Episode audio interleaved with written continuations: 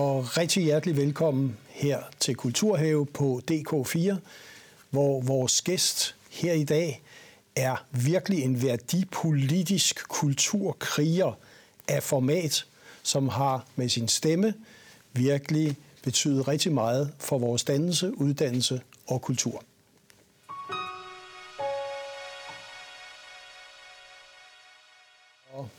Rigtig hjertelig velkommen, Marianne Hjelved. Tak skal du have. Ja.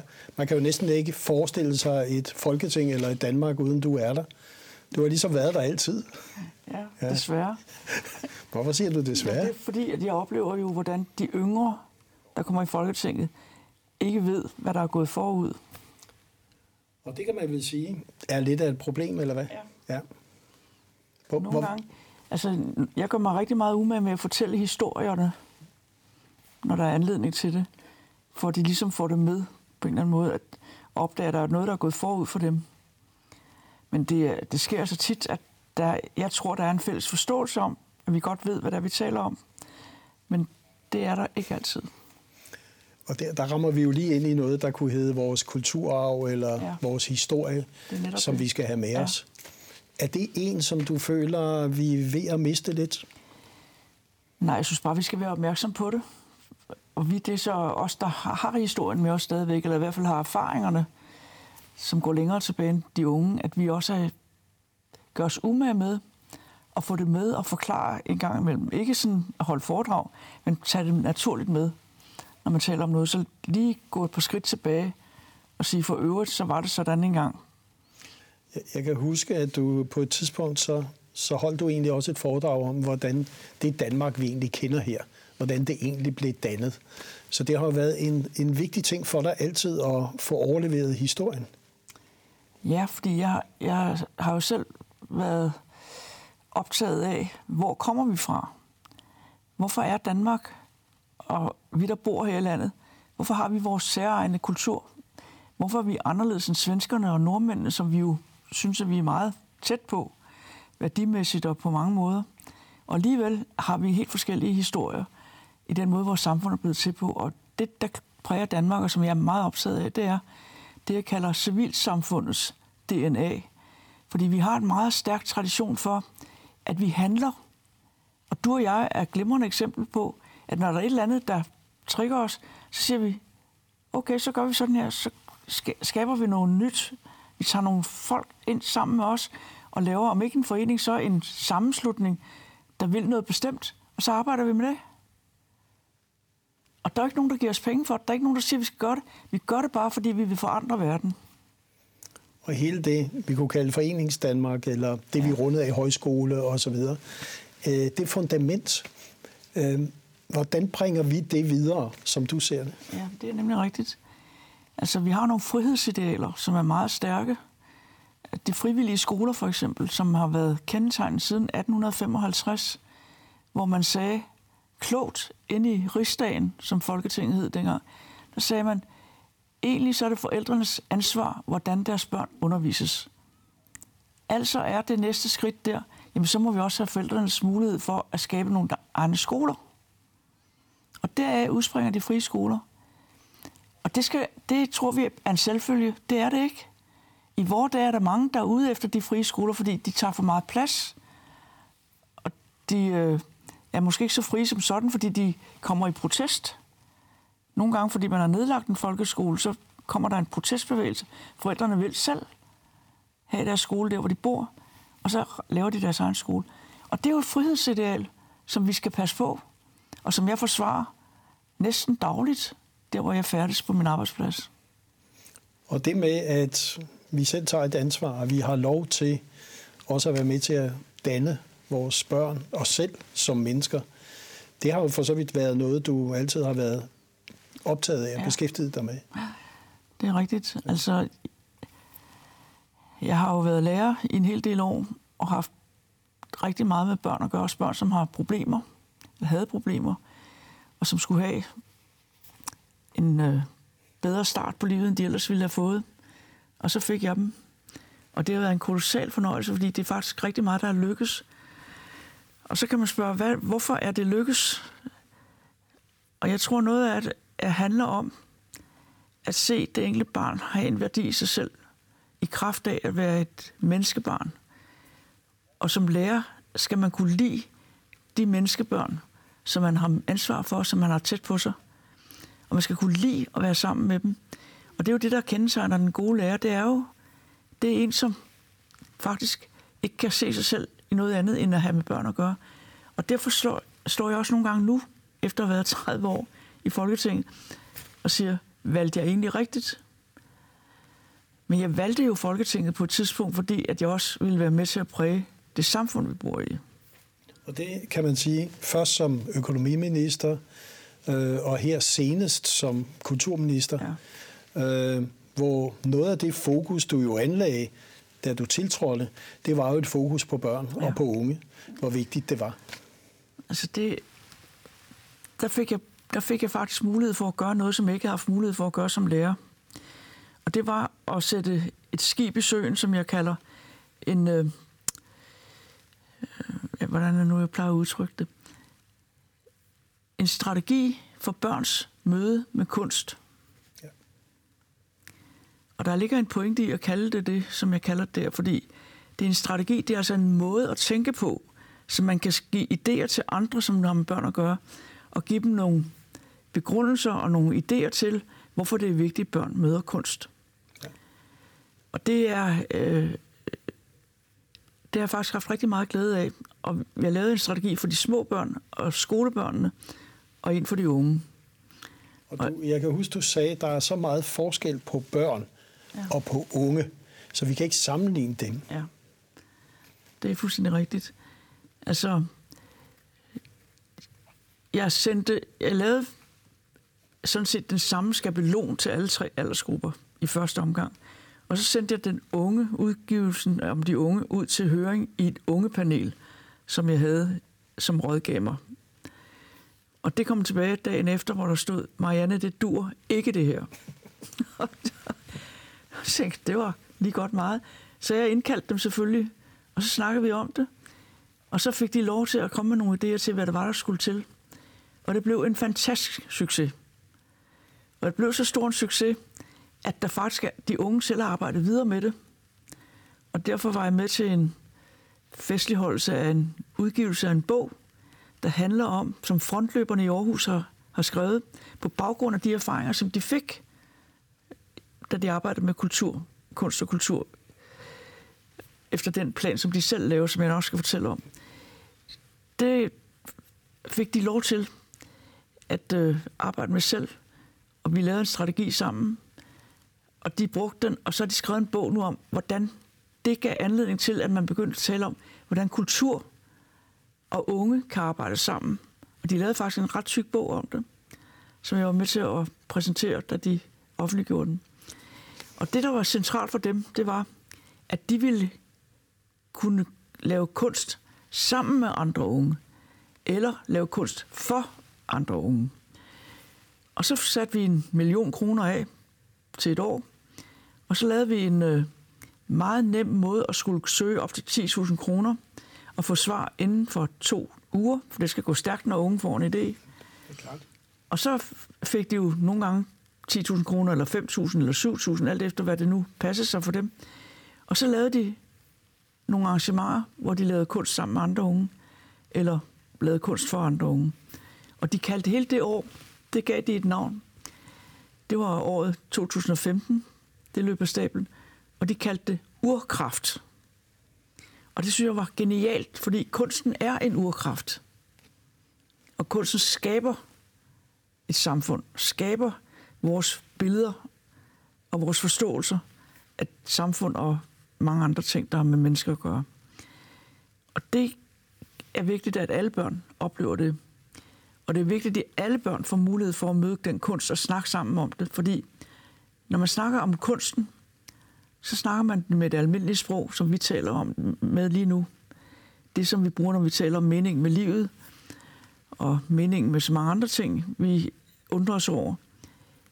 Når vi drøfter det med andre, og det gør vi, når vi går på kunstudstillinger, når vi ser noget kunst, så må vi snakke med andre om det. Det gør børn også. Og der oplever alle børn, at deres stemme og det, de siger, er lige så vigtigt som det, den anden stemme og barn siger. Og det er jo ikke det, vi normalt møder, eller børnene møder, når de er i skole for eksempel. Så møder de nogen, der er dygtigere end dem, eller som ikke er så dygtige som dem. Der er nogle andre kriterier, det er nogle faglige termer, det er noget faghistorie, de har i sig. Matematik er jo ikke et, et kunstens sprog, det er et fagsprog. Og de børn, som ikke kan det, har det ikke særlig sjovt i matematiktimerne. Men de har det godt, når de er sammen om det, der er kunsten, og det, der giver dem inspiration til at snakke om, hvad er frihed? Det har jeg oplevet med en 4. klasse, der var rundt og se på kunststykker, der var lagt, sat frem til dem på Statens Museum for Kunst. Og hver gang de kom til stedet, skulle de snakke om, hvad er frihed? Og der oplever jeg bare 10 år børn snakker fuldstændig ligeværdigt til hinanden. Og det vil sige, at de bliver set og anerkendt som den, de er hver især. Og det er helt afgørende for et barn, hvis de skal vokse op og have selvtillid nok til at klare sig i verden. Og hele den, vi kan sige, øh, præmis, du anlægger her for, at børn skal møde kunst og kultur, hvis vi også skal udvikle vores demokrati, det samfund, som vi kender. Ja. Den forståelse og prioritering af, hvor vigtigt det er, at børn møder kunsten og kulturen. Er der sket andet end, du satte noget i gang, men er der ikke stadigvæk mange skoletaler og snak omkring det, eller ser du faktisk, at der sker noget? Altså, jeg gav dem jo nogle værktøjer, de hæfter, jeg lavede om, hvordan man kan møde, børn kan møde kunst og kultur. Og jeg møder faktisk lærere, som siger, vi er smadret glade for det, vi bruger det stadigvæk. Fordi det er jo ikke noget, der bliver umoderne om 10 år. Det er faktisk bare nogle idéer til, hvad sker der? Hvordan kan man få børn til at møde kunst? Hvordan snakker man om det? Og, og lade børnene være aktive selv i den sammenhæng. Ikke for at bilde dem ind, at de er kunstnere, men fordi de også møder kunst. Og jeg tænker på, Marianne Hjelved, det med, at øh, man så har en kort periode som minister, og så får man sat nogle aftryk, og så går man ud af døren, og så var det det. Det, du egentlig siger her, det er, du møder faktisk en del ting, du satte i gang, ja. som du kan glæde dig over ja. nu. Så skal vi have en meget længere horisont, når vi snakker om at få implementeret og eksekveret kunst og kultur i samfundet man skal, der skal helst være nogle ildsjæle, som vil gribe den bold og drible den videre. Og det er derfor, jeg henvender mig til lærer, fordi lærerne de har jo med børn at gøre. Og derfor er de jo en vigtig, øh, en vigtig faktor i børns liv. Og det er jo derfor, jeg synes, at det skulle stiles til dem. Og der, møder, der er det glædeligt at møde lærere, som stadigvæk synes, at det er rigtig godt og inspirerende, det materiale, jeg engang lavede, og gøre noget ved det. Men derfor skal vi jo nu snakke om det, i det daglige også. Og jeg gør jo selv meget ud af at blande mig, kan man sige, i, når der er mulighed for det i en offentlig debat, eller hvad det nu kan være, et sted, hvor man holder, fejrer et eller andet, så beder jeg gerne om ordet, hvis jeg kan få et stikord, som jeg kan bruge. Og der oplever jeg også, hvor vigtigt det er, at man hele tiden, at jeg for eksempel gør noget, som jeg synes egentlig er meget centralt, at forklare, at det første, der er, det er kunsten. Og det er omkring kunsten, der opstår en kultur, et fællesskab, nogle strømninger, noget, som bliver båret videre. Men kunsten er det egentlige centrale. Det er det på de grotter i Sydfrankrig og Spanien, hvor de nu er, hvor man malede dyrene, som man jagtede, og som vi kan se i dag. Det var jo også kunst. Det udtrykte jo nogle følelser, nogle værdier, nogle, en optagethed hos de mennesker, der faktisk malede de dyr inde i grotterne. Og det er jo en hilsen til os, om hvor vigtigt det har været for dem. Det har været deres liv, og det er jo nogle skønne malerier. Det viser også en skønhed over det dyr. De har jo kunne lide de dyr.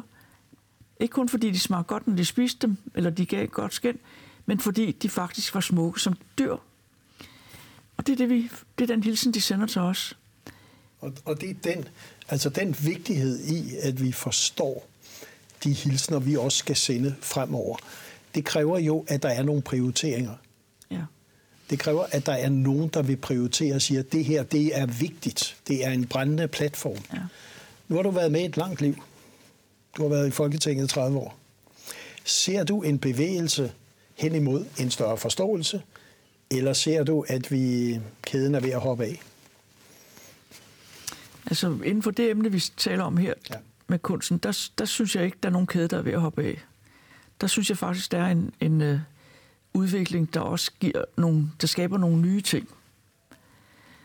Og øh, altså, jeg er jo selv ret glad for at være med i et samvirke, blandt andet med dig, i at øh, prøve at få kunsten til at brede sig på en ny måde.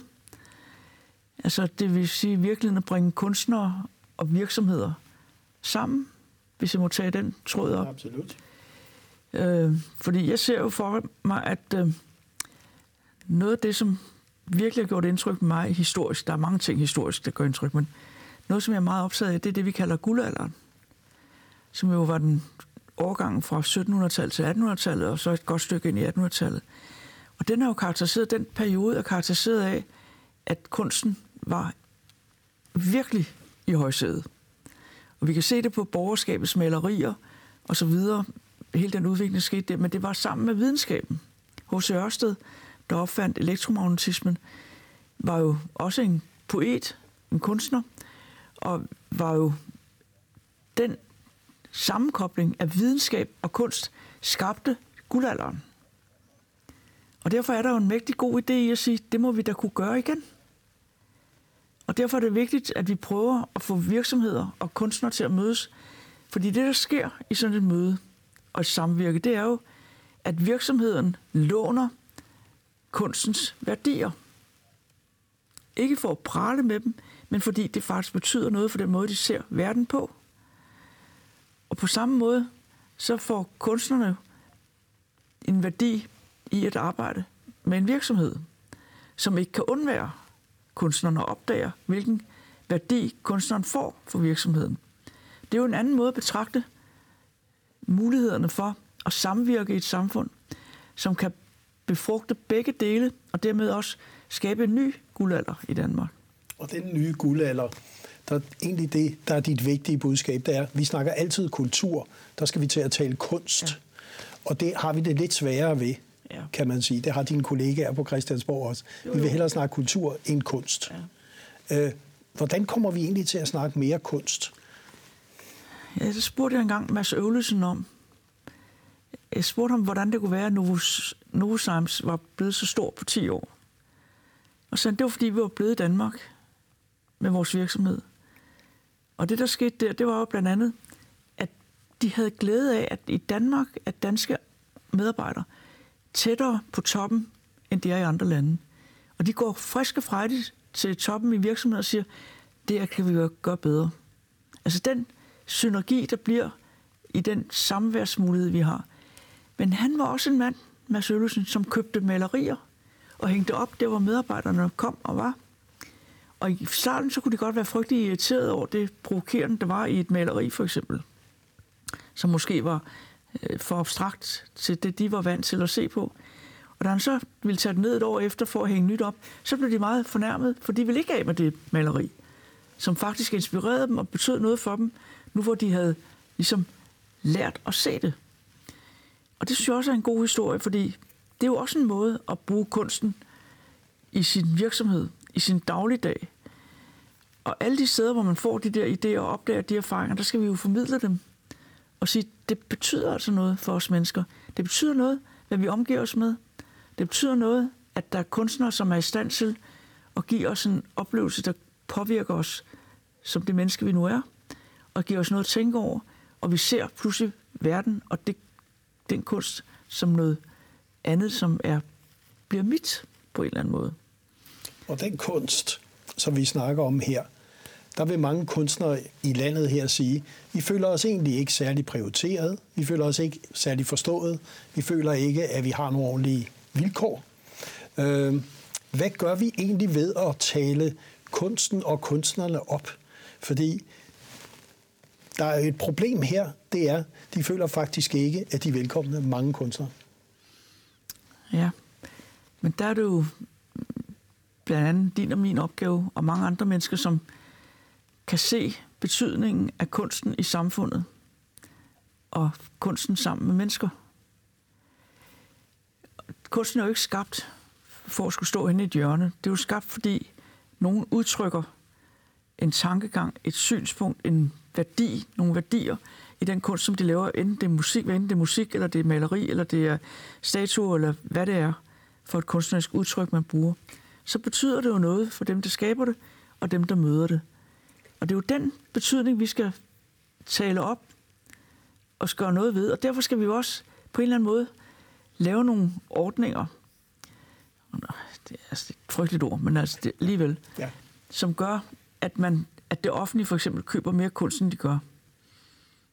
Og, og det med at, skal vi sige, rammevilkår, forskellige ja. ordninger, at gøre det bedre, at skabe nogle betingelser, som gør, at vi føler, måske alle sammen, at den, der har en lille kunstner i os, at den skaberkraft, vi hver især har, ligegyldigt hvor stor den er, at den kan forløses. Ja. Det er jo også noget, du har stået i kraft af og talt rigtig meget om. Ja. Hvordan får vi det stimuleret mere? Vi kunne sige, hele vores kreativitet, hele den kreative sektor, hele samarbejdet mellem kultur og erhverv. Er det rammevilkår, eller er det mere en forståelse? Mm, det er begge dele, ja. synes jeg i virkeligheden. Ikke? Altså det er jo delt en forståelse af værdien af kunsten og kunstens betydning. Og efterhånden ser man jo ikke et, et øh, sygehus, uden at der også er kunst på væggene. Eller så kommer vi til det i hvert fald. Fordi jeg vil ikke acceptere, at vi bygger supersygehuse, og der ikke er noget kunst. Og alle ved, at de omgivelser, man er udsat for, når man er syg, betyder rigtig meget for ens velbefindende, og dermed også ens mulighed for at blive, få det bedre igen. Det vil sige, farverne og kunstudsmykning med kunst, det skal der være. Og det skulle der være i alle offentlige bygninger, efter min opfattelse. Og ikke bare dem, som staten finansierer, men også dem, kommunerne finansierer. Og det, det er jo et spørgsmål, som vi kan rejse, og som bliver rejst med mellemrum. Og vi prøver at arbejde med det som folketingsmedlemmer også, i samarbejde med hinanden. Det synes jeg er en rigtig god, et rigtig godt bud, hvor vi kan starte. Jeg tænkte på, øh, da du blev kulturminister, hvad var egentlig den største overraskelse for dig? Ja, jeg er næsten flov over at skulle sige det. Fordi jeg blev rigtig meget overrasket over, når jeg sagde ja til at komme ud og åbne en udstilling, eller åbne et nyt, et nyt museum, eller et eller andet, som kulturminister. Hvor meget der faktisk sker rundt omkring i Danmark. Og det er også det, der har fået mig til at interessere mig for, hvor kommer det fra? Hvad er det for en driftighed, der er i vores samfund? Fra Hvide Sande til Skalskør, fra Skagen til Vordingborg. Altså det er utroligt, og det er glædeligt, og det er en oplevelse at komme rundt og få øje på, hvad der faktisk bliver skabt. Altså i Næstved, hvis der er tid til en lille historie der, i Næstved, der har de en ungdomsskole med en ungdomsleder, som hedder Lisbeth Jahat. Og fordi hun er rigtig god til at sige ja, når de unge får en idé. Og så hjælper hun dem med at få den elev, eller den idé, gjort til virkelighed. Og de fik en idé om, at de ville prøve at male nogle malerier på gavlene på husene i Næstved, som fortalte en historie. Og de ville påtage sig at låne 20 gavle. Og hun sagde ja. Og hun skaffede sådan nogle kunstnere, der var gode til at også at få idéer til at male sådan nogle, et slags uh, tegneserieforløb på 20 husgavle med hjælp af de unge, som havde historien. Og det blev en Romeo og Julie historie.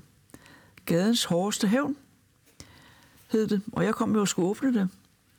Og de var så pavestolte, for de har også lært af nogle af de kunstnere, der kom og hjalp dem, at danse sådan nogle, jeg kan ikke huske, sådan nogle danse hedder, men det er sådan nogle, hvor de står på et knæ og et ben og en arm og sådan noget, ikke?